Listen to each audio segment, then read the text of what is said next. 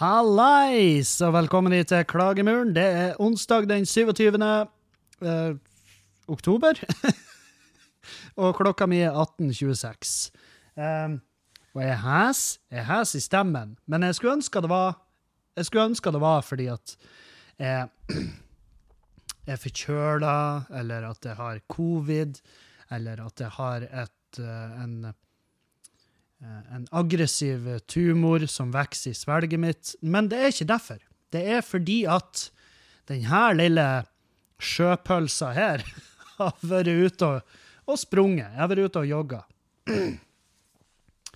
Og eh, jeg bruker, jeg bruker ordet spreng og jogg veldig liberalt. Altså, enhver løpeentusiast ville sett meg og tenkt ja, han er ute og øver på teknikken i kappgang, mens egentlig så for meg er det beinhard jævla spurt. Altså, det er, det er med livet som innsatsspurt. Det er den type spurt jeg har gjort. Eh, jeg har gjort en, ett drag på fire minutter. eh, pluss ti minutter oppvarming før, og ti minutter nedtrapping, og så bla, bla. Ja, ingen bryr seg. Ingen bryr seg, Kevin. Fordi at det her er bare et blaff. Endelig er du kommet i gang i trening igjen. Ja vel, Kevin, vi gleder oss. Vi setter oss spent tilbake og gleder oss til å høre på unnskyldninga di for å ikke trene om seks uker. Men her er kickeren. Her er poenget.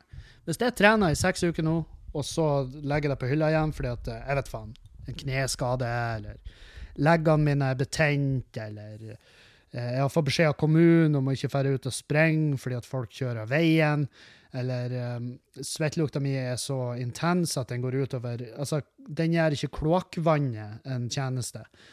Eh, Hva nå en slags unnskyldning jeg har, så vil jeg fortsatt ha sprunget i seks uker, og så er det seks uker jeg ville ellers gjort nada. Sant? Så ethvert tiltak er vel et bra tiltak. Det, det er i hvert fall det jeg sier til meg sjøl, bare for å forsvare måten jeg forvalter både min egen kropp og min egen fritid på. Men jeg føler meg, jeg føler meg helt fantastisk. Jeg føler meg dritbra. Jeg føler meg ikke så sexy, her jeg sett, med ganske tjukk Jeg har funnet sånn ganske tjukk sånn løpetights. Jeg har eh, konkludert med at det er en vintertights. Enten da, eller så er det en våtdrakt.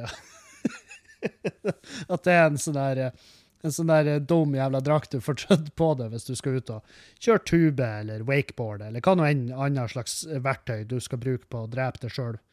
Eh, men ja, det har jeg gjort. Jeg har vært ute og sprunget. Det var altså helt horribelt blytungt, og jeg har jo trena bitte litt de siste tre ukene. Altså bare sånn um, Hvor jeg dyppa tåa i uh, i den tønna full av olympisk svette. Sant? Skal bare vri litt på mikrofonen. Um, så ja. Jeg har vært og, sprunget og eh, kom inn døra her med fjeset fullt av sånn langrennsløperkøm, og ja, jeg så faen ikke ut. Altså, det, det draget der eh, på slutten, jeg var altså faen meg Da måtte jeg holde meg fast i autovernet eh, for å ikke dette eh, om. Altså og når det gjør da, så tenker jeg jo at enn hvis det detter fremover nå, og så rett ut på, på, eh, altså på hva det er slags vei der, fylkesveien, da hadde jo jeg Ja, det har vært en flau måte å gå på. Det har vært en jævlig flau måte å gå på, men jeg håper familie og venner av meg hadde kommet til å flire seg i hjel over at Kevin faktisk klarer å drepe seg sjøl. Den ene dagen han prøver å, å gjøre noe fornuftig med kroppen istedenfor å eh, drikke eller ruse eller ligge på sofaen og runke. Ikke sant? Um, nei, så jeg er veldig fornøyd. Veldig fornøyd med meg sjøl, og jeg driver jo på å trene meg opp sånn at ja, sånn at jeg etter hvert kan bli med surdeigskongen på tur. og eh, Så kan vi gå ut i skauen og holde hverandre i hendene og bonde over eh, surdeig, eller hva nå enn som er hva nå enn som er populært akkurat da. Um, men uh, ja. Nei, det, det er virkelig på tide. Jeg har eh, jeg kom til et punkt der skjorten jeg har på meg, er horribel å ha på meg. Eh, og så har jeg jo også sagt at jeg må ikke kjøpe klær i en størrelse større, for da enabler jeg meg sjøl.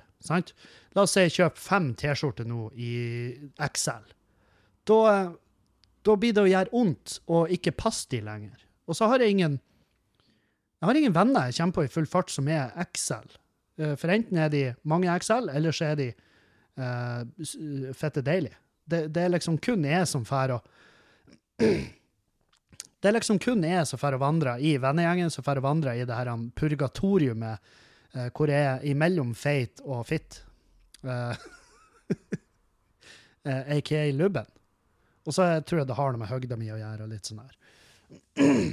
Herregud. Men ja, hvordan går det med det, Kevin? Jo, jeg har, jeg har det veldig bra. Jeg har det faktisk veldig bra. Eh, til tross for, um, for eh, at uh, verden har Ikke verden, det er vel sikkert meg sjøl og Nav i et samarbeid som har valgt å, uh, som, som har valgt å gjøre dagene mine hakket surere. Jeg fikk eksempel i dag, da, ikke bare eksempel, det er nesten det eneste grunnen til at jeg spiller inn podkast i dag, det er fordi at jeg har tenkt å bruke litt av den følelsen jeg har i kroppen nå, den energien, den, det sinnet, den fordervelsen. Um, fikk en mail. Uh, Hei, det ligger et brev til deg i postkassen. Uh, og da var jeg sånn Hæ, hvordan vet du da? Uh, og så er det den digitale postkassen, så det visste jeg jo jævlig godt at den lå der. Og der, på det brevet kunne jo Nav da fortelle meg at de vil ha tilbake Eller de vil ikke, de skal. de skal. Altså, med negler og bein skal de ha tilbake 150 000 av stønadspengene jeg har fått for fjoråret. Og det er Ja, det er jo det jeg vil kalle ekte penger. Det er det jeg vil kalle ekte penger. Um, så jeg må jo ringe de og si at hei, hvis dere, eh, dere må ta en prat med meg, eller så blir jeg skyte av meg sjøl hodet. Det vanlige. Um, jeg sa det at dere kan ta alt av penger jeg har, alt av eiendeler mine som ikke er Juliane sitt. Ta alt jeg har, bare la meg ha igjen tunggods til 3,5 meter med nylontau og en trekrakk. Så, så skal jeg klare meg sjøl. Um, så det blir noe spennende. Det blir jævlig spennende. Jeg gleder meg til å sette meg ned med hva nå en slags sympatisk jævel jeg får utdelt. Neppe. Uh, og, og, og, og når det er sagt òg, uh, det er ikke deres jobb å være sympatisk. Det er deres jobb å se meg inn i hvitøyet og si vet du hva, jeg vet ikke hva det her er. Eh, Mest sannsynlig har du sjøl sittet i denne situasjonen. Ja, det er horribelt for det. Og du truer meg med, med å ta ditt eget liv som om det har noe å si for meg. Jeg håper jeg får den type kundebehandler, som er sånn, eller kundebehandler, som om jeg er kunde. Hva heter de? Rådgiver? Jeg vet ikke. Uh, Gjeldsrådgiver, det er jo det jeg må ha. Og, um, men hvem nå enn som jeg blir sett med det med, skal se meg i hvitøyet og si vet du, du, du truer meg å ta livet av det, som om det blir å gjøre dagen min noe verre. Jeg håper jeg får den type menneske, sånn at vi heller kan finne på en løsning enn at jeg skal sette igjen Julianne som enkekvinne. Eller blir hun enke hvis vi ikke er gift ennå? Jeg vet faen. Men ja, nei, det er noe helt, helt nydelig. Nydelig å være med akkurat nå, og det er ikke synd i meg. Uh, men jeg skal finne ut av det. Og det kan høres ut som at det lyver og alt det her, men på ekte Hvis det er noe jeg har lært meg de siste jævla to årene, så er det vel at på et eller annet fucked up nivå så blir det å ordne seg. Det er bare ting. Det er bare penger. Det bare Det har ingenting å si. Ikke i det store bildet når uh, verden er på tur og imploderer i sitt eget søppel. Og sitt eget, uh, sine egne klimagasser og sitt eget helvete. Det eneste håpet jeg kan ha, er jo at anarkiet bryter ut før, um, før de får mulighet til å kreve inn de pengene. Å, fy faen. Jeg gruer meg til For akkurat nå, dere hører jo, da er jeg høy energi, bra humør, jeg bare koser meg. Jeg har akkurat tørka det langrennsløperkømmet fra skjegget mitt. Jeg har facerapa, eller Instagram-rapa meg sjøl og henvendt meg til castingbyrået til 71 grader nord, Norges tøffeste kjendis. Det er vel samme gjengen som kasta til Kompani Lauritzen. Jeg er faen, jeg vil på TV. Nå er det på tide. og jeg er i et godt humør. Og det elsker jeg. Jeg liker meg sjøl når jeg er i godt humør. Alle rundt meg liker meg når jeg er i godt humør. Veldig mange rundt meg tror jeg at jeg har snorta cola når jeg er på godt humør. Det er jeg ikke. Ingen cola. Og ingen, ingenting, faktisk. Jeg, fett, jeg, har, jeg kan ikke huske sist jeg var så nykter og edru som jeg er nå. Men det jeg gruer meg til, er jo når denne sannheten skal innhente meg. For eh, hvis det er noe jeg har lært av det her Jeg vet faen. Oi. Sorry. Det raper Faen òg. Ja, drit i det. Det får være. Det, dere får tåle det. Jeg bruker å klippe de der ut, men nå er jeg en god driver, hvis jeg må begynne å klippe det ut, ja, da da er vi mista det. Poenget mitt er jeg gruer meg til å treffe eh, bunn sånn formmessig, og må ta stilling til at eh, Nav skal komme og ja, fistsund endetarmen min eh, etter det her nydelige, nydelige, nydelige året vi har hatt økonomisk. Herregud, for et Shangri-La vi har levd i! Ja, gud bedre. Uh, nei, så det skal bli uh, Det skal bli ganske jævlig, og det gruer jeg meg til. Men jeg tar ikke den sorgen på forskudd, fordi at uh, jeg vet at jeg blir å ta den sorgen både på forskudd og etterskudd og imens, og så blir jeg å belåne den sorgen. Og så blir jeg også å ta ut et forbrukslån i den sorgen, og så blir jeg å maksimere den sorgen så jævlig hardt. Og så blir jeg sikkert å sette opp en turné. Kevin er blakk, heter det showet. kjøper billetter. Billettene koster 750 per stykk. Uh, og ja, ikke sant, sånn. Hva nå en slags tiltak jeg blir å gjøre. Å, fy faen. Helvetes liv. Det er altså helt nydelig. Um, jeg har um, Etter den joggeturen Jeg jogga forbi Eller jogga forbi Jeg trampa hardt forbi et uh, par som var ute og gikk, og de hadde en sånn her kombihanske. Du Skjønner hva jeg mener. Uh, det er hvis du, hvis du er i et forhold uh, som er veldig nytt, altså hvis det er et helt nytt forhold, eller hvis du er i et forhold med hvor den ene parten er kontrollerende og sjalu, så kan dere gå til innkjøp av en sånn her dobbelthanske, som vil si at dere kan holde hendene. Uansett hvor kaldt det er, så kan dere holde hendene. Og eh, Og eh, jeg vet ikke, jeg bare syns de er creepy, de hanskene. Det er sånn der til døden skiller oss ad-hanske, og med døden skiller oss ad mener et murder-suicide i heimet. Det, det, det er den viben jeg får av det. Jeg får ikke viben av at det her er et søtt par. Jeg får ikke viben av at det her er et bra Det her er et, det her er par jeg kunne ha spist uh, one pot pasta hjemme i stua mens vi så på jeg vet faen, den nye sesongen av Dexter som jeg fikk fortalt av Dan Robin i dag, at den kommer. Hei, gleder meg. Jeg tror ikke det er den type par. Jeg tror ikke det er en type par vi hadde kommet til å få på lyst på, drukket dagens eller husets uh, vin til noe stekt tørrfisk. Ingenting.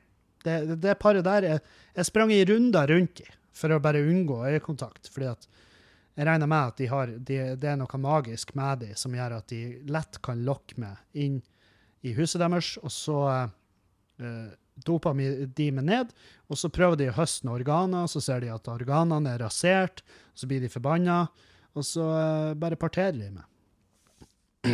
og hvis noen har tenkt å kidnappe meg og partere meg, ta alt det der, pakk det i eska og send til min saksbehandler i Nav. Her har du en bokdeal verdt 150 000, i hvert fall. Um, ja, nei, så jeg vet faen. Det Hvordan går det ellers? Uh, jeg fikk jo et nytt sånn uh, Jeg, jeg prata om det tidligere, men jeg føler meg som en drittunge nå. Eller jeg føler meg som både et kjempevoksent menneske og et bitte lite barn. For jeg driver jo med pottetrening av meg sjøl. Fordi at jeg snakka om det tidligere, at jeg, at jeg fant ut nå, i denne alderen, at jeg har tørka ræva mi feil vei hele mitt liv. Og nå jobbes det. Det jobbes med å endre, fordi at jeg vil være en del av flokken. Og jeg tenker at uh, Hvor mange milliarder mennesker er vi nå? Sju? La oss si det. 7,5. Jeg vet hva. Jeg gidder ikke å google det. Poenget mitt er at så mange milliarder mennesker i verden kan ikke ta feil. Og, og jeg, har ikke, jeg, har ikke knekt jeg, jeg, har ikke knekt en kode med å tørke ræva mi feil vei. Så der skal jeg faktisk være en sau. Jeg skal være som akkurat alle de andre, og skal tørke ræva rett veien. Men det har vist seg å være ikke bare bare.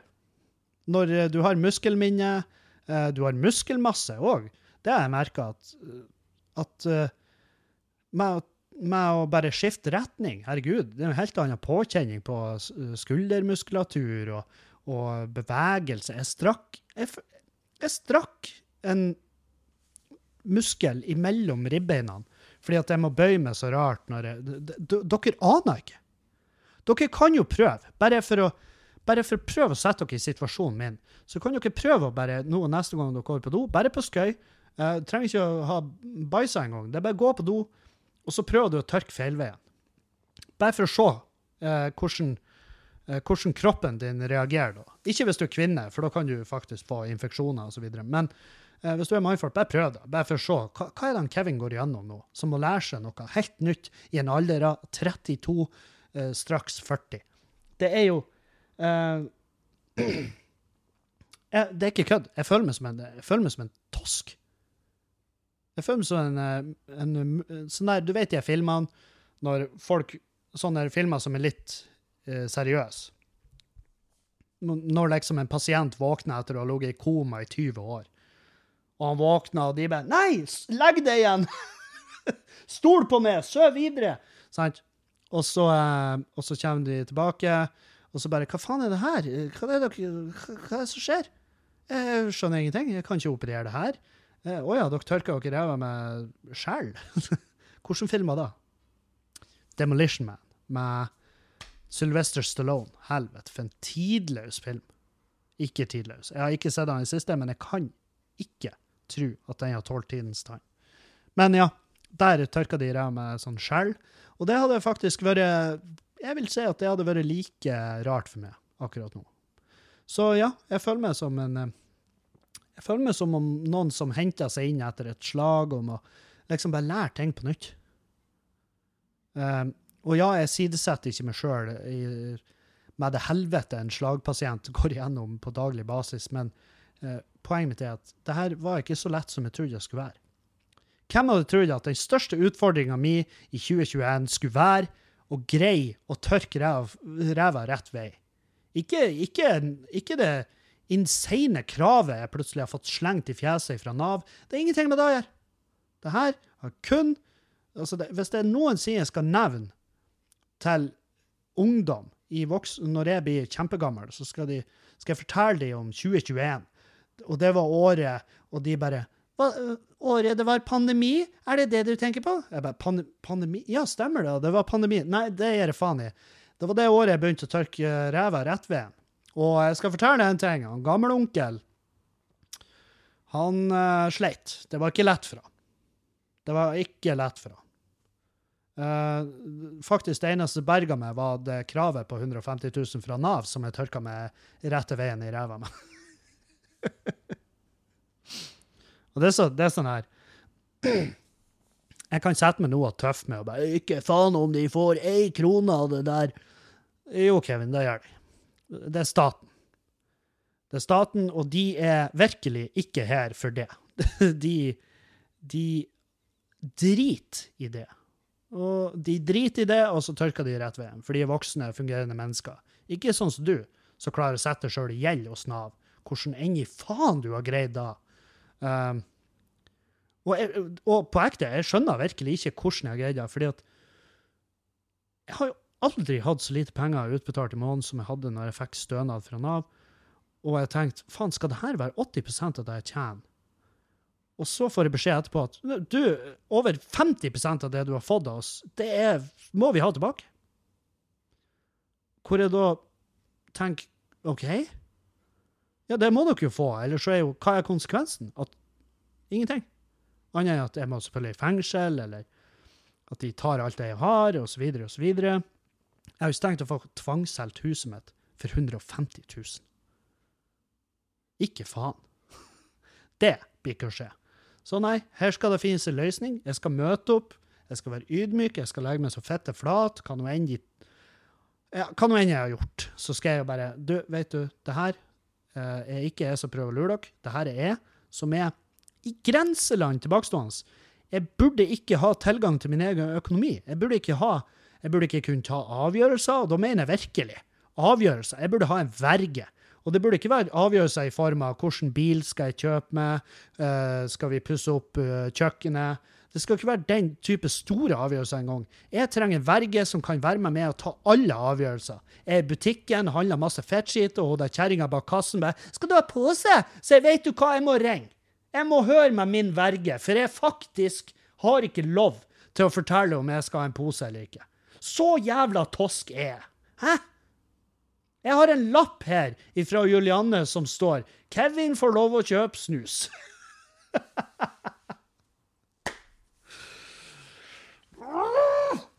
så lei av meg sjøl. Um, Ja, så det er p- p- 32 år og pottetrening. Det, og det er, står i notatet mitt. 32 år pottetrening. Er du klar over hvor jævlig flaut det er å fortelle om? At jeg driver på pottetrener meg sjøl i en alder av 32. Jeg er livredd for rulletrapper, spesielt dagen derpå. For jeg har Altså, jeg klarer aldri å stå ordentlig i det. Hver gang jeg stiller meg i rulletrapp, det kjennes ut som verden går rundt, og jeg er på tur og tryn, Jeg må holde meg fast i gelenderet som om det er jordskjelv ute. Og så står det andre folk rundt meg og bare Hva faen er det som feiler han der? Han der molboen som står og holder seg i- i det gelenderet der. Hva i svarte satan er det som feiler den mannen? Så ja.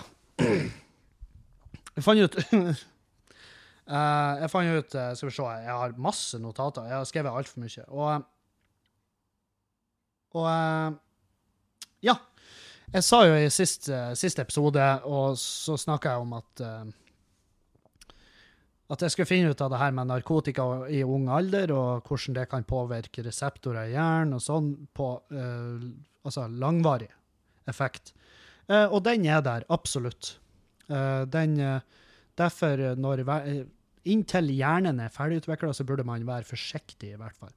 Nå er det sånn der at du skal røyke ganske mye weed før at du, altså for at du fucker opp. Men ganske mye, det er jo kanskje det videste begrepet jeg har hørt i mitt liv. Eh, ganske mye, det Jeg vet ikke hva det er. Det er sånn, «Å, Hvor mye weed er da snakk om, doktor? Og så sier han «Du, hvor langt er et gummistrekk? Hæ? Hvor langt er et tau? Det er ikke noe fasit. Så eh, Så på ekte, bare måtehold. Vær så snill og måtehold. Og her er også Her er nummer to. Jeg har jo sett ferdig denne serien, Rus. Og siste episode så hylla jo jeg den gjennom taket, eh, for den starta ufattelig bra. Eh, men jeg har jo selvfølgelig noen betenkeligheter etter, eh, den, uh, etter jeg har sett den ferdig. For det første så vil jeg jo påstå at den kanskje ikke nødvendigvis var så jævla nyansert som jeg hadde uh, fikk, fikk inntrykk av i starten. For det andre er det jo ganske Der er noe feilinfo der. Litt forskjellig, som for eksempel at Og det her burde de virkelig ha plukka opp underveis. At ecstasy er ikke eh, Molly. MDMA er virkestoffet i ecstasy. Ecstasy er gjerne ofte et skjetnere stoff enn MDMA. Nummer én, knips er sleng for ecstasy. Knips er ikke sleng for MDMA. I hvert fall det jeg har fått lært. På de mørke hjørnene og under bruene der vi narkomane henger, og koker heroin i tønnevis, og kjøler inn i blodårene våre med en sånn, en sånn glasursprøyte. Sant? Det, for det er sånn vi lever. Um, så jeg vil bare si at de Jeg føler at de nyansene forsvant jævlig kjapt. Jeg føler at uh, det ble uh, egentlig bare en stor, stor uh, dokumentasjon av av ja, bare tragedie og skremsel. Eh, de hadde to femminuttere. Én femminutter hadde Det er faen det artigste. Det her er, så, det her er altså så fett artig. Uh, to femminuttere hadde de via til uh, to jenter. Uh, hun ene røyka en joint i lag med Leo. De går seg en tur, og så røyka hun litt av en joint. Og takk for besøket. Sant? Uh, nummer to Leo igjen går tur med ei Bertha med rastafletter og plukka fleinsopp. Og takk for besøket. Og that's it. Og så er det flere episoder hvor jævlig Og det her, misforstå meg rett, uh, utrolig sterkt uh, av foreldrene til han Jens å stille opp, og hele det saken rundt han Jens uh, og er, Det er helt horribelt. Det er helt jævlig at en så frisk, ung, energifull, glad, varm og nydelig sjel måtte dø. På grunn av fentanyl, som er altså noe rein jævla jævelskap som er ute der. Uh, all ære til foreldrene hans, all ære til vennene hans, all ære til idrettslaget hans, som, som har satt opp en organisasjon i hans En ungdomsorganisasjon i hans ære og hans minne som heter Rocketman. Som, altså, jeg skreik masse. Jeg skreik og jeg skreik. Og det er, og eh, det er helt horribelt. Poenget mitt er bare at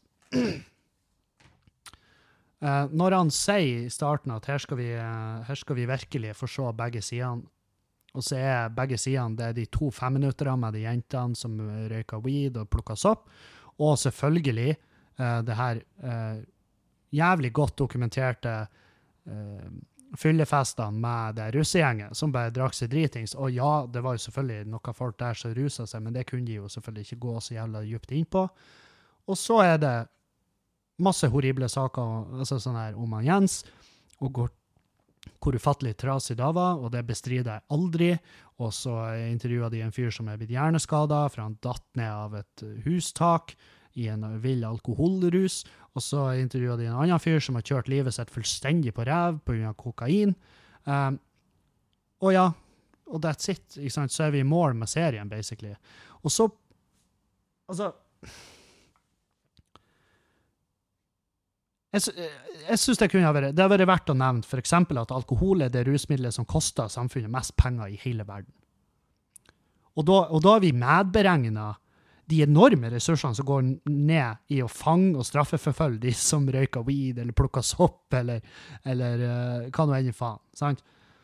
Uh, og intervjuet med han der politimannen Adrian, som kanskje er uh, altså, altså, Han sier at straffen har en avskrekkende effekt på de som, velg, som har valgt å ikke ruse. Og det blir det, det, er jo ikke akkurat noe som, som backes opp av forskning. vi skal komme tilbake til det. Han sier jeg tror ikke vi skal undervurdere den straffetrusselen som en faktor for at folk ikke ønsker å bruke rus. Det må man ta på alvor før man velger å kriminalisere. Leo spør hvilke negative konsekvenser kan avkriminalisering ha? Så sier han du fjerner politiet som håndhever av bruk av rusmidler. Leo sier der det er et rop om hjelp, tar du vekk Nei, det, er, det her er politimannen sjøl som sier. Der det er et rop om hjelp, tar du vekk politiet, som vi ser på som hjelpere. Og det her er politiet sjøl som sier. Uh, og med et rop om hjelp så er det jo sanksjoner i form av bot. Og uh, ja. That's it. Hvis du blir tatt med en brukerdose nå, får du jo bot, og så blir du sendt ut. Og det er ypperlig. Det er nydelig. Hva er vel bedre å slå i bordet med for en narkoman mann eller kvinne som blir tatt med en brukerdose? Hva er vel bedre å komme hjem med og legge på stuebordet enn ei feit jævla bot? Takk skal du ha. Uh, skal vi se her. Uh, der det er et rop om hjelp, tar du vekk politiet, som vi ser på som hjelpere. Og det er en quote av politiet sjøl. Vel, det må være deilig. Det må være deilig å se seg sjøl i speilet og tenke det er da du gjør. Jeg har møtt, og nå skal vi gå, Før vi går videre Jeg er ikke noe ACAB-type uh, fyr. Det er ikke sånn at all cops are bastards. Jeg har uh, venner i politiet. Jeg har jeg har venner som er jurister i politiet. Altså, jeg kjenner folk i politiet, og jeg prater løst og fast med dem om de her temaene. Jeg selvfølgelig balanserer jo sånn at jeg ikke klarer å sette oss i trøbbel og problemer, men poenget mitt er at det her er ikke et syn som går igjen i hele politiet, og det er jeg ekstremt glad for. For Adrian fremstår som kanskje det minst reflekterte mennesket jeg har sett i en politiuniform uh, noensinne. Uh,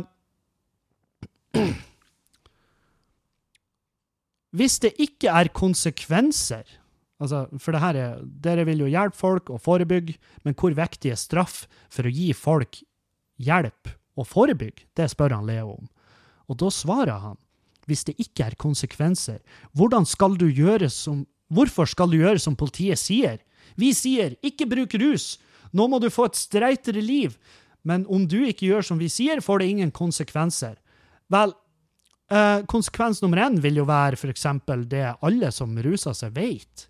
Eh, den underliggende faren for at du dauer hvis du ikke fuckings oppfører det og tar, uh, tar ansvar og måtehold på akkurat lik linje med alkohol og sukker og fett og Ja, jeg vet faen. Sikkert trådløst nettverk. altså, poenget mitt er at uh, han får det til å høres ut som at de er det eneste som står imellom uh, en rusbruker og den sikre død.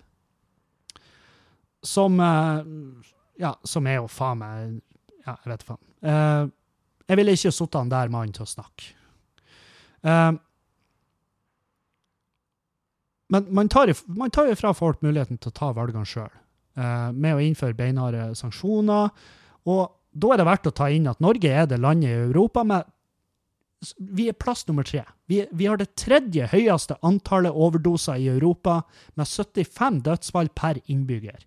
Men kun hvem det var som var over oss, var det Latvia og Sverige, tror jeg. Eh, mens i Portugal så ligger de på fire stykk per millioner innbyggere. Og der er det avkriminalisert. Uh, hvem hadde trodd det? Ja, uh. Så for hver gang Vedum står der med det dumme jævla gliset sitt og sjonglerer med de fem gjenværende hjernecellene sine og, og hiver rundt seg med reinspekka svader om temaet og hiver reformer under bussen, så vil jeg at man skal huske at det bidrar til å øke denne utviklinga, og senere så øker det til antall dødsfall per innbygger. Og det er ikke sånn at jeg tror at Portugal-modellen vil løse alt over natta. Og vi kommer ikke til å bli best i klassen med det første, men statistikk og matematikk lyver ikke. Det er det som er. Og det sier seg sjøl at om man, om man kunne hente hasj, MDMA, LSD og andre rusmidler hvor nå enn, på et apotek, utsalgssted eller et eller annet rusmonopol, så hadde man oppnådd eh, flere ting. Som f.eks. en nedgang i ulovlig importering. Supply and demand-prinsippet gjelder jo der. Eh, det fører til mindre kriminalitet, fordervelse og død for de som er innblanda i den bransjen. Og ja, for de som er eh, rekreasjonelle rusbrukere, de er alle klar over at vi, vi, deltar i en bransje som er full av kriminalitet og død og fordervelse. Men det er du òg, hvis du går i Nike-sko eller kjøper avokadoer eller bruker en iPad. Du er ikke noe Altså, folk Jeg kan love deg at til syvende og sist, hvis du følger hvis du følger sporet fra hva enn du har i handa di, hva enn du har hengende på veggen, hva enn slags TV du kikker på, eller iPad du bruker, eller sko du går i, hvis du følger hele det sporet tilbake, så vil du til slutt finne et, et, et eller annet menneske under hælen til en eller annen alfastøvel i et drittland. Så det er ikke til å unngå. Med mindre du trør opp i skauen, si fra det alt ditt jordige gods, flytta inn i jordhytta uten strøm eller vann, da kan du begynne å snakke om at du kanskje ikke lenger eh, er en verkebyll på det samfunnet. Så ikke Pass på med ekstremt dømmende tone. Uh, men det Man bidrar til mindre kriminalitet, rett og slett. Og ja, jeg, jeg er 100 fan av det. Og man vet hva man får. Det er jo For faen, det burde jo være i seg sjøl et av hovedargumentene. Da vet du hva du får. Hvis du får utdelt det her av en farmasøyt, så hadde jeg, jeg, hadde ikke, jeg hadde ikke engang lukta på det. Jeg hadde hevet det rett i nebbet, for jeg, jeg stoler blindt på en fagperson bak en disk som har gått de årene på skolen og vet hva det er de holder på med. Sant?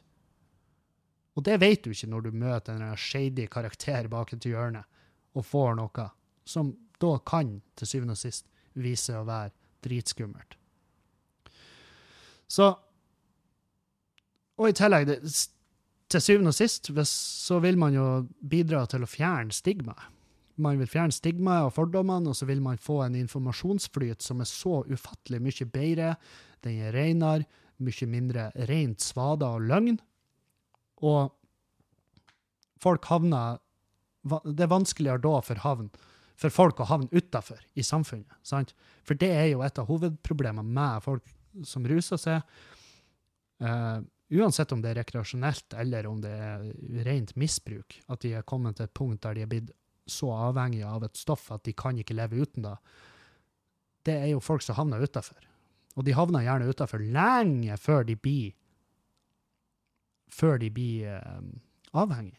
før de blir en, en, eh, en eh, hva jeg skal kalle det, en utgiftspost.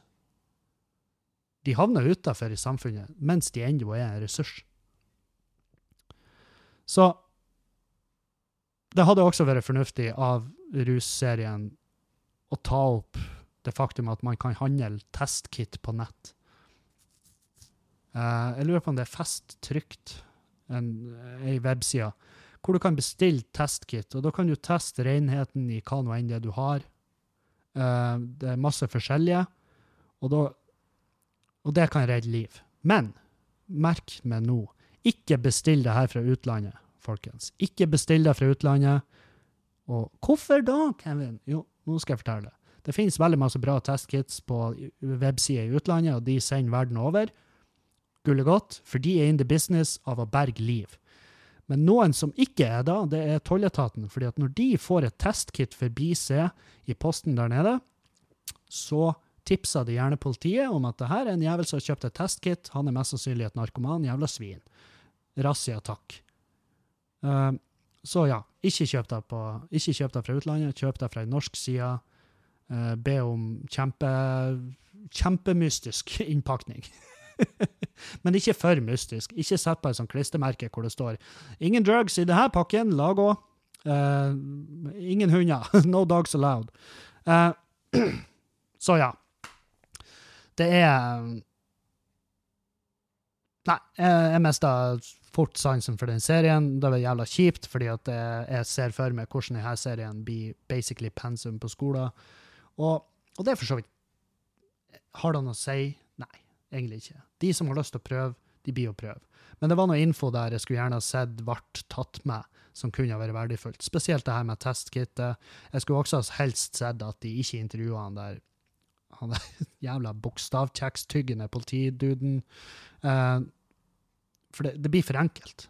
Skjønner?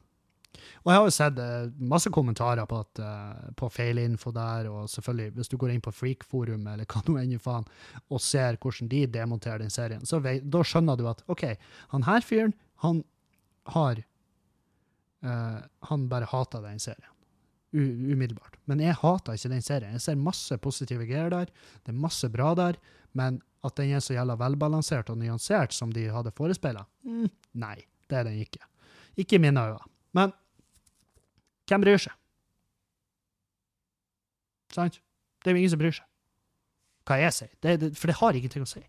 Det har ingenting å si hva jeg sier. Uh, Annet enn for de som lytter på. De, de som ennå lytter til min podkast, ja, de vet alt det her. Det er ikke noe ny info. Jeg har ikke blåst dere banen med min gravende journalistikk og min uh, min Å, herregud, reflektert og bra demontering av det han sa om politiduden. Nei, det, det er ikke, jeg er ikke glupere enn han, jeg er bare uenig. Jeg er kjempe, jeg er fundamentalt uenig med det han sier. Uh, hvor han påstår at folk hvis, hvis, Hvorfor skal de høre på oss? Hvorfor skal de høre på oss hvis vi ikke kan straffe dem? Uh, for det første, hvis de respekterer dere, hvis de, for, hvis de, klarer å få et sånt forhold til politiet at de der folkene er OK, de vil mitt beste For det er faktisk på ekte den eneste jobben deres. Det er jo at folk skal, skal ha det bra, og de skal følge loven. Og dessverre er loven sånn som den er nå. Men også har politiet tatt seg jævlig mange friheter der. Og, du, og jeg har ikke jeg har ikke, jeg har ikke, et, jeg har ikke sjans å gå inn på det. Men jeg vil bare varmt anbefale at du googler eh, norsk Altså NN Nei, hva, Norsk Pol uh, Narkotikapolitiforening. Sant? NNPF.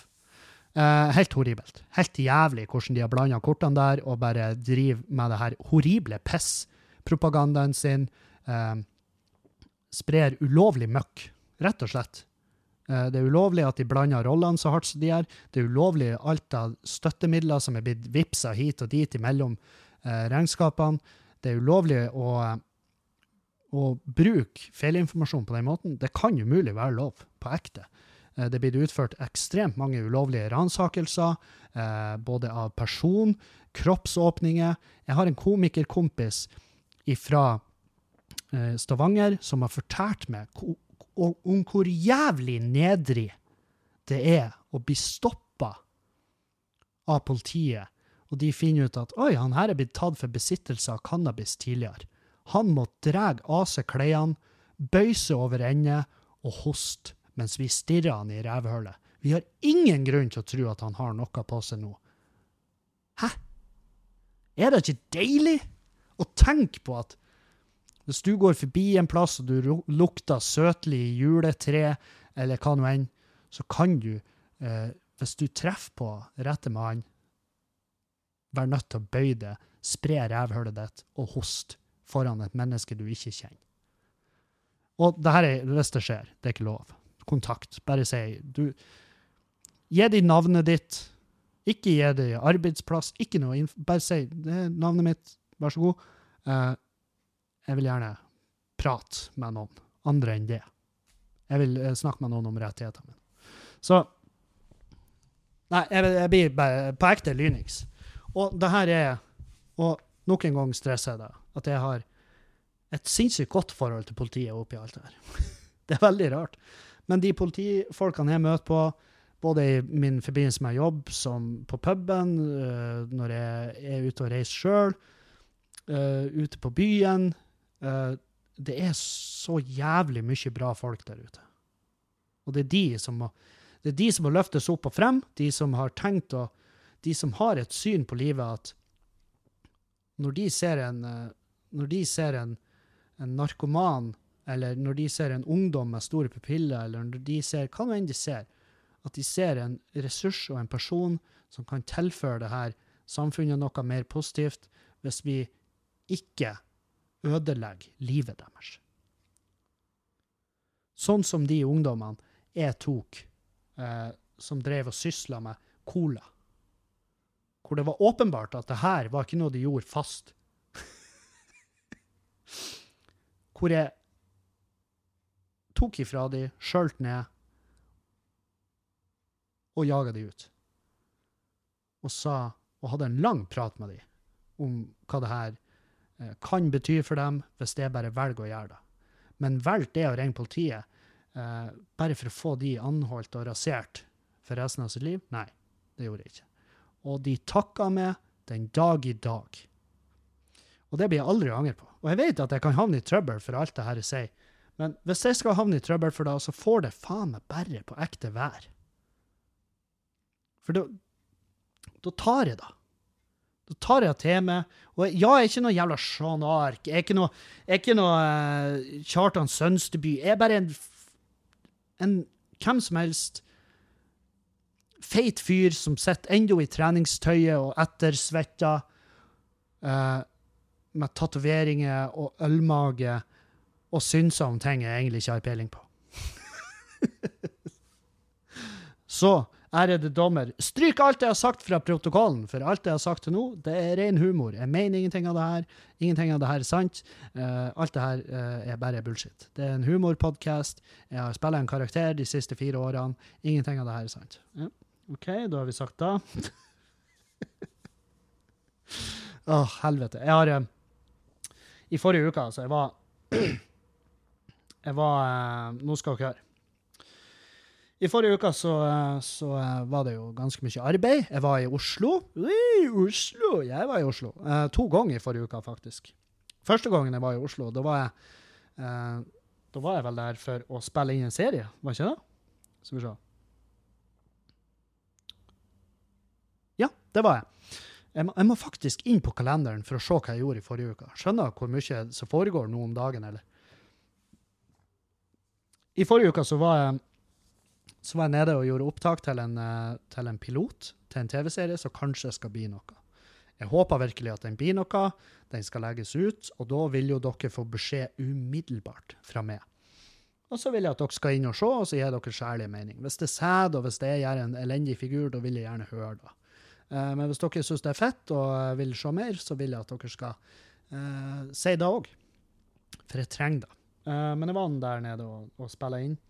Og så gjorde Gjerman og Støme sin podkast. Eh, den skulle jeg kanskje fått lagt ut på min eter òg. Eh, André Gjerman og Jonas Støme er jo, er jo anså uh, de er jo først og fremst kollegaer med, men de er jo også eh, gamle ringrever i miljøet. Dette er noen av de karene som var med og forma standup sånn som vi kjenner det. Eh, de var noen av de første, og de er virkelig stødige karer på det her faget. Og det er veldig artig å møte på de og sitte og prate med de, og de behandler meg virkelig som en likemann. Men det er sikkert fordi at de tror jeg er like gammel som de, men sannheten er at de er jo faen meg 50. jeg vet ikke hvor gammel Jonna er, men Jonna holder seg altfor bra. Jonna har et sånt utseende man bare kan bli forbanna på, som en annen mann. Uh, Gjerman, uh, også en herlig mann. så tusen takk for at dere hadde med på poden deres. Jeg elsker dere.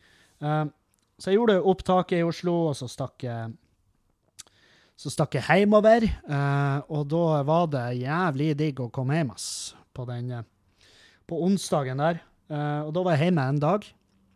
Og så var det og, Så jeg var bare hjemme og vaska klær, basically. Så var det bare å begynne å pakke skitten sin. Det så jævlig mørkt ut, for vi skulle ned til Trondheim både på fredag og lørdag. Skulle ha show på Hammerhead Brewing Company. Eh, fredagen var utsolgt, lørdagen var solgt fuck all. Det var nesten Altså, det var Jeg var deprimert med tanke på hvor trist det kom til å bli. Eh, og spesielt når vi fikk ei avbestilling på noen gruppebillett, og det, det var Ja. Det lå an til å bli en trasig lørdag i Trondheim, og jeg hadde booka fly til meg, Dan, Tomax og våre respektive bedre halvdeler, som er Julianne Mi, Lina til han Dan og Mona til han Thomas. Og verdens herligste gjeng. Og vi har jo alle bare sett på det her som ja, det her skal bli et sånn teambuilding-show. Vi skal ha det artig, vi skal kose oss. Det er det den turen handler om. Eh, ikke penger, for det er virkelig ikke penger i den turen. Men eh, jeg var, jeg var stressa for det lørdagsshowet, og jeg var lei meg. Og, og, det, og, det, er mye for tida når det gjelder billettsalg. Av en eller annen grunn så er jeg kjempelei meg for billettsalg, men det er fordi at jeg tar det rett på min egen person. Det er det som er. Et, med en gang jeg selger lite billetter, så tenker jeg så er det sånn Alle hater meg. Da kommer den usikre lille 14 år gamle gutten inn. Uh, og jeg vet jo at det er ikke det som stemmer. Det er ikke sånn det er. Det er bare at ja, folk har annet å gjøre. og det må jeg ha forståelse for, fordi at hver dag velger jeg å gjøre andre ting enn den tingen. Skjønner? Så uh, Ja, nei, så lå an til å avlyse lørdagen. Og akkurat når jeg satt og funderte på det, så ble jeg oppringt av en representant for støttegruppa til de overlevende etter 22. juli-angrepene. Uh, og uh, hun kunne fortelle meg at de skulle, et, uh, de skulle, ha en fest på lørdag i Oslo, og at komikerne de har booka, måtte avlyse. Uh, og jeg var sånn Hæ? Hva faen? Hvem Hæ? Og jeg, og jeg var sånn Hvilken komiker er det som avlyser den gigen? Hva er det de skal rekke? men nok om da. Og jeg var sånn OK. Uh, jeg har egentlig et show på lørdag, sa jeg til henne, men her jobber jeg allerede med en plan for hvordan jeg skal avvikle det showet. Altså hvordan jeg skal avlyse det uten at det blir noe halloi. Og det vi gjorde da, det, at jeg ringte alle de som hadde kjøpt billetter til lørdag, og så fortalte de at vi kommer til å avlyse fordi at Og det var av billettsalget. Eh, fordi at vi lå an til å bli 14 mennesker der. Og det hadde ikke blitt så jævlig fett inne på et svært ølbryggeri med masse stoler og benker. 14 stykk der. Det hadde blitt så glissent at jeg vet ikke hvor jeg skal gjøre av meg. Så det jeg gjorde, var at jeg flytta de som hadde lyst, over på fredagen, og de som ikke hadde lyst, de får refundert billettene sine. Og det var null problem. De hadde ingen problemer med å forstå det. Um, så det som skjedde, da, var at da hadde vi lørdagen fri, og da takka jeg ja til den jobben for å opptre uh, for de overlevende etter, etter 22. juli. Og Uh, Tomax og Mona og Dan og Lina de var jo igjen i Trondheim og kunne gjøre hva faen de ville. Uh, og det syns de var gjevt. De var og kosa seg, de var på besøk til, til uh, slekt, og de var gikk turer, de gikk bar til bar-runde. Ja, så det var De har tydeligvis hatt ei jævlig fin helg, og det unner jeg de. Og, og jeg hadde en jævlig fin fredag. Uh, og det må jeg få si til alle som kom på showet på Hammerhead på fredag. Herregud, hvor jeg, jeg mollkosa meg. Jeg hadde det så trivelig der inne. Så tusen hjertelig takk for alle som kom. Dere er best i hele verden. Um, og så uh, Ja, hva jeg skal si? Vi hadde Vi fikk Det var jo med Dan, Tomax, Henning Bang var med. Uh, vi fikk børsta støvet av Magne Køste. Fikk dytta han ut på scenen igjen. Uh, så showet ble jo ganske langt.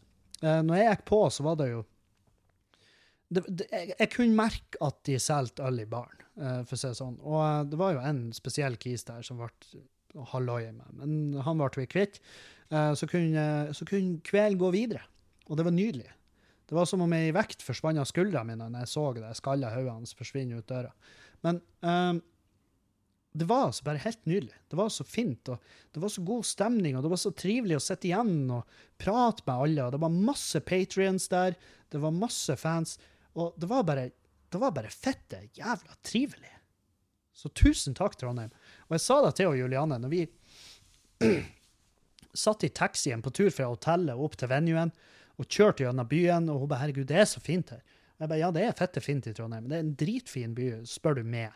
Um, og så sa jeg til henne at det føles ikke som at jeg er på besøk her. Det føles ennå som at jeg er hjemme nå. Sant? For jeg har bodd i Trondheim ganske lenge, og jeg har et sånn kjærlighetsforhold til den byen, at, og det er ikke på tur bort. Det merker jeg, at det, det er akkurat der det bestandig har vært. Og ja, så jeg har sagt til henne at hvis jeg noensinne skal flytte, så er det jo dit. Eller Bergen. Ikke Oslo. Sier jeg nå, og så får jeg én TV-deal, og så bare 'Å, Oslo! Jeg skal være han fyren som holder vannet til Atle Antonsen i uh, Kongen befaler', og det er nok for meg. Uh, så jeg, jeg, bare vet at med en gang jeg setter meg ned og har et veldig sånn bastant oh, prinsipp, Kevin, nei til Oslo, og så neste uke så er det prinsippet det er kjøpt og betalt for jeg vet ikke, 25 000 pluss moms. Så jeg, skal, jeg må slutte å påberope meg at det er så jævla at det er så jævla knallhard og så jævla Å, Kevin tar bladet fra munnen. Å, Kevin han har virkelig peiling. Nei, Kevin har ikke peiling. Kevin har åpenbart ikke peiling. Bare spør Nav. uh, uh, ja. Nei, så På lørdagen, så Jeg burde vel kanskje plugge jeg burde gi noen shouts. Ja, Trondheim Lyd Lys, tusen takk for hjelpa. Dere berga kvelden vår. Uh, tusen takk til Hammerhead, selvfølgelig. Uh, det gjenget der er bare De er ingenting annet enn nydelige, og det er herlige folk. Uh, takk til publikum. takk til Bror, som er burgersjappa i Trondheim, som jeg og Juliane vi var innom der og holdt på å ete oss fette i hjel. det er bare helt nydelig. Rågod burger, grusomt bra tilbehør. Eh, fantastiske ansatte og pissgod musikk. Det er bare ingenting med den plassen der. Og et kjempeflott utvalg av øl. Så ingen grunn til å ikke være der til hver tid. Med mindre du selvfølgelig passer passer på kroppen og formen og sånn. Men det, du kan ikke stresse med det for mye. I hvert fall ikke når det er helg. Så ja. Ikke shout til uh, ja, shout til Comfort Hotel Trondheim. Det er ikke deres feil, men Comfort Hotel, kan dere være så snill å fjerne de der horrible, forpurte glassdørene til dassene deres? Hvem i helvete sin idé var da?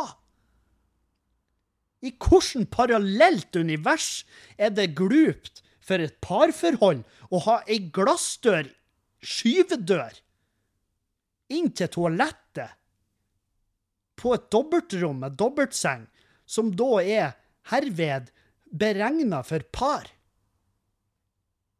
Jeg, jeg vet om kjæreste, jeg vet om forhold der de har det forholdet at gubben eller kjerringa kan sette seg og drite mens de har øyekontakt med hverandre og snakker om å, 'Skal vi spise fajitas eller nachos i kveld?' 'Nei, jeg vet ikke.' det er supert hvis du har det forholdet, men jeg vil ikke at Comfort Hotel og Choice-kjeden skal ta det valget for meg.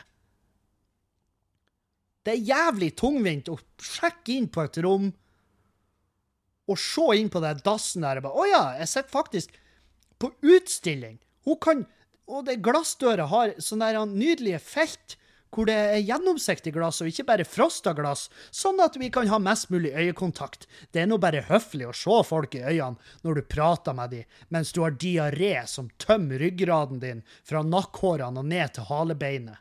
Det det er helt sinnssykt.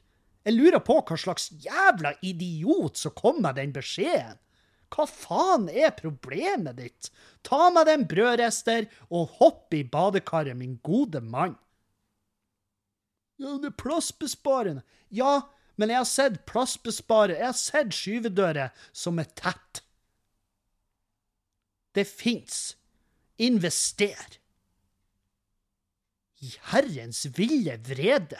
Det siste jeg vil se, er Jeg vil aldri i mitt liv ha intens øyekontakt med Julianne mens hun får røkninger i venstreøyet fordi at hun krester og presser så hardt fordi at gårsdagens eh, vegetartaco skal endelig forlate hangaren. Det er det siste jeg vil. Å ligge i senga og delfinere på hotellrommet, som er et nydelig, nydelig stemningsfullt rom, med noe god musikk på anlegget, mens Julianne sitter og lager ulelyder og klemmer ut en Snickers. Det er inhumant. Og det er ikke bra. Jeg kan ikke forestille meg Jeg har sexologer som hører på det her, men kan dere være så snill og bekrefte for meg at det kan ikke være bra for et forhold at vi skal sitte og drite og holde hverandre i hendene? Jeg kan ikke forstå det. Jeg nekter å kjøpe det, at det er bra for et forhold å sitte og driter med hverandre i rommet. Så nei, Comfort Hotel. Nei til toalettene deres. Men her er greia. Hvis jeg skal bo alene når jeg er i Trondheim, så blir jeg å bruke Comfort Hotel. For jeg elsker, den, eh, jeg elsker hotellet, jeg syns det er hyggelige folk der. De har Nintendo i lobbyen, de har, veldig, de har en trivelig bar. Jeg kan sitte der og drikke. Null stress. Det er et flott hotell. God frokost for den type penger. Det er billig. Det er bra. Det er billig og bra hotell. Takk for oppholdet. Jeg kommer aldri tilbake hvis jeg har kjerringa med meg. Men hvis det er alene, så kan du være trygg på at jeg kommer til å være der. Har jeg med fruen, så blir jeg å ringe hotell. Så blir jeg å spørre Du, bare et spørsmål. Hvordan er adkomsten til toalettene deres? Ja, der har vi noe veldig stilige glassdører på hengsler fra INR. Det er faktisk den beste leverandøren av dusj, dusjhjørner og skyvedører i glass i Norge. Vet du hva, Tutti? Hold kjeften din den samtalen her er over, med mindre du har en god, gammeldags dassdør med en femmernøkkel, helst. Da har du med. Da har du min. Har du da, så har du min oppmerksomhet. Men jeg hørte du nevnte den glassdøra tidligere i samtalen, og da er mitt ord til det nei. Takk for praten. det er så fette sinnssykt. Jeg skjønner ikke hva de har tenkt. Nok om det. Uh, så Jeg for, jo, jeg for til Oslo i lag med Juliane. Vi sjekka inn på The Hub, som jeg ordna med. Eller ordna oss, fordi at vi skulle trives og kose oss, og vi skulle slappe av. Vi skulle ta det piano. Så vi sjekka inn på The Hub, og da var det et vanlig vanlig dobbeltrom. Det var ikke noe fancy, fancy sånn sett, men det var, det var et vanlig dobbeltrom, og tror du faen ikke vi fikk et rom på The Hub. Og jeg, her, jeg, har bodd på The Hub ganske masse. Jeg har aldri snubla over et sånt her rom, men der òg hadde de faen meg glassdør. Så da var det bare å avtale med sin bedre halvdel, hvor jeg sier Juliane, nå må jeg drite, så gå og sett deg i lobbyen. Så hvis du kommer inn på Comfort Hotel i Trondheim eller The Hub i Oslo, og du ser det sitter masse folk, at det sitter single, at det sitter en og en person rundt omkring i lobbyen, kanskje nipper til en kaffe og bare ser dum ut, da kan jeg garantere det at den personen sitter der og venter fordi at deres bedre halvdel sitter og prøver å bæsje på rommet, bak ei glassdør. OK. Nok om det. Veldig mye bæsj. Jeg beklager, men eh, det skal bli mindre av det. Jeg lover. I fremtida skal det bli mindre drit, og så kan vi ha mer sånn funny greier som at Uh, Alec Baldwin greier å skyte en kamera uh, Stakkars fotograf. Så du det der? Ja, dere har selvfølgelig fått med den saken. At Alec Baldwin fikk fikk et skarplada rekvisittvåpen og greide å skyte eh, fotografen til Rust-filmen gjennom linsa. Helt horribelt. Kanskje noe av det jævligste jeg har hørt på lenge. Men den gang ei. For hvem kan vel gjøre det her jævligere? Jo, Trump-leiren. Han der jævla bamsesaftdrikkende kuksugeren av en sønn han Donald Trump har, har laga ei T-skjorte som han selger på internett, hvor det står 'Guns don't kill people. Alec Baldwin kills people'. Og beklager at jeg flirer, men simulasjonsteorien, folkens, det går ikke an at det her er ekte. Jeg nekter å tro på at det livet jeg lever i nå, er et ekte liv.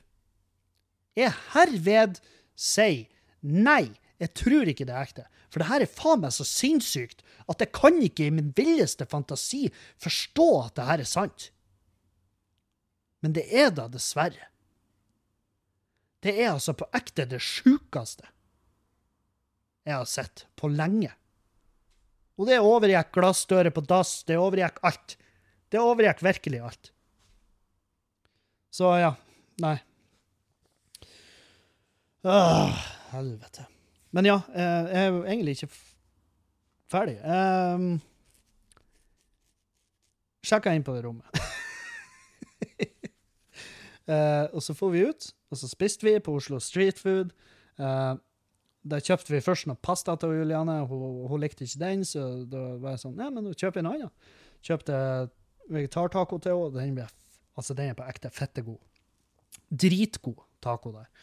Uh, så spiste vi der, og så gikk vi innom en sånn tobakkssjappa attmed Generius, som er helt uh, super. Fantastisk bra butikk. Uh, og så gikk vi på Himkok som er den 17., tror jeg det var. 17. beste baren i verden. Kåra av hvem? Jeg vet ikke. Jeg jeg bare hørte det. uh, og, og, at det er den 17. beste baren i, i, verden, ja, det har jeg null problemer med å tro på. For Himkok er og blir bare fette bra. Det er helt nydelig å være der. Uh, du blir fulgt opp, du blir møtt med Du blir møtt av fagfolk. Du blir ikke møtt av en kvisete student som bare prøver å presse ut noen timer, sånn at de kan Eh, sånn at de kan vedlikeholde sin, sine uvaner, om det er drugs, alkohol eller dun Dungeons and Dragons. Det legger vi ikke borti. Men du møter fagfolk som har et som har genuin peiling og genuin kjærlighet for faget sitt. Det er bare noe helt for seg sjøl. Så det kan jeg anbefale. Hvis du finner det fram. For det er ikke bare bare å finne Hinkok. De har ikke noe neonskjelt utfor som blinker og stiger på. Det har de ikke. Det er ei metalldør med ei ringeklokke. Og hvis du er heldig, slipper du inn. og sånn. Jeg digger det. Jeg elsker det. Det er min største Altså, når, eh, når Hva angår uteplassdrømmer, så er jo det en mye større drøm enn å Ja, enn å bare drive en brun plass hvor folk sitter og enten sover eller, eller er i en psykose. Sant? Så Nei, det er helt nydelig. All ære til Innkok. All kjærlighet til dere. Så etter vi er på Himkok, så møter vi opp på hotellet, der jeg skal gjøre en gig for det 22. juli-gjenget. Og jeg blir møtt av uh, bare bare fantastiske mennesker. Jeg blir møtt av uh, kjærlighet, glede og varme, og jeg blir inkludert. Julianne blir inkludert. Uh, jeg går på scenen til stormende jubel, og jeg legger fort merke til at det, det er barn i salen. Der er ei der som har to unger. Jeg tipper åtte og fire. La oss bare Jeg liker partall. Og um, to små barn. Og jeg var sånn Oi, det er barn her! Og folk syntes det var pissartig. Og jeg bare Nei, nei, det er ikke, art, det er ikke ment for å være artig. Det er på ekte barn her.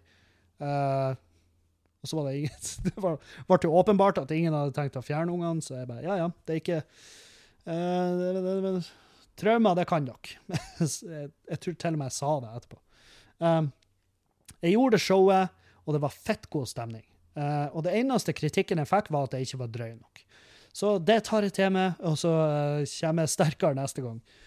Men det var altså bare Det var en fette, nydelig gig. Og jeg er veldig, veldig beæret over å ha blitt tenkt på, og at jeg fikk lov å være med de på den kvelden.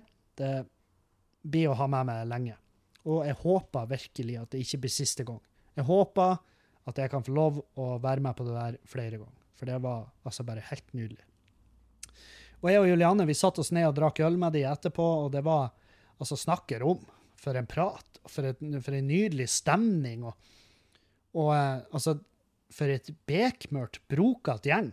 Med god grunn.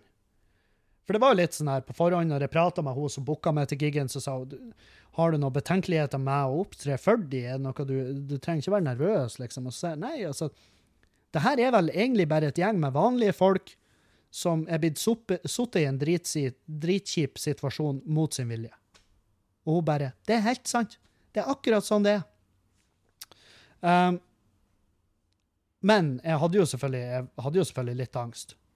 Det, det skal ikke jeg lyve om.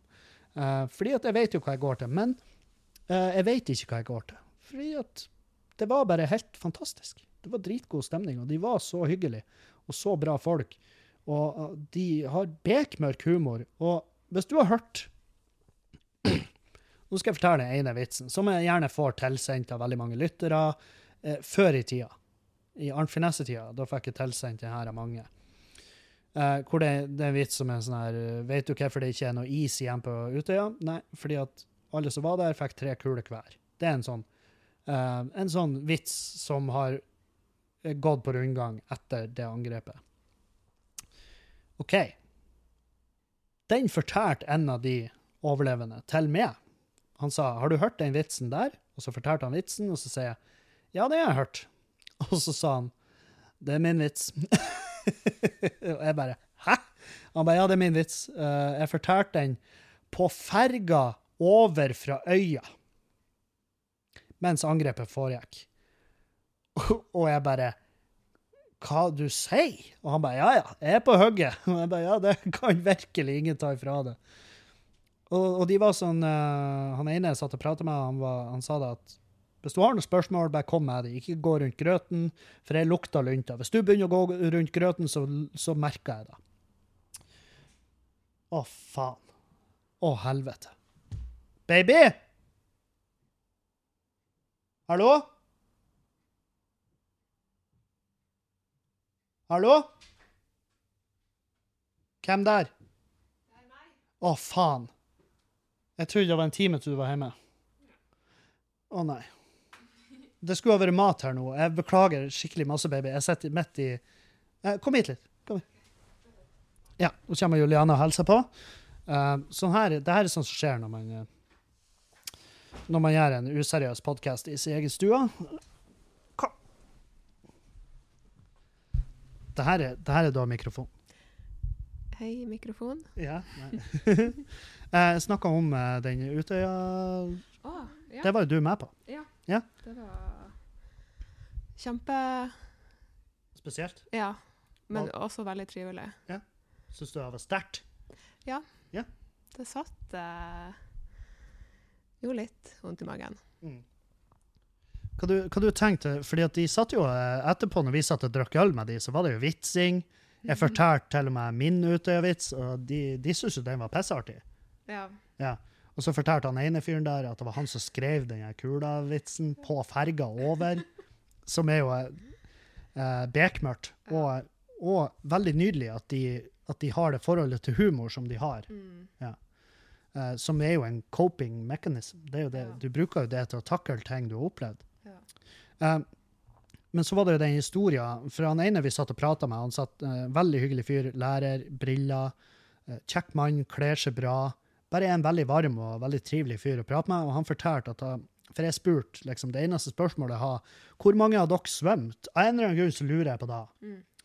For jeg har liksom ikke sett noe tall på hvor mange som svømte, men stort sett alle de som satt sammen med oss, svømte jo. Ja. ja. Um, hvor han da kunne fortelle at han svømte sammen med en kompis over fjorden, og når de var midtveis i fjorden, så begynte uh, brill, altså den Genseren hans begynte å plage ham, for den, å, den ble så tung, og han ble så sliten at han innså jeg må av med genseren, ellers så blir det her å gå galt.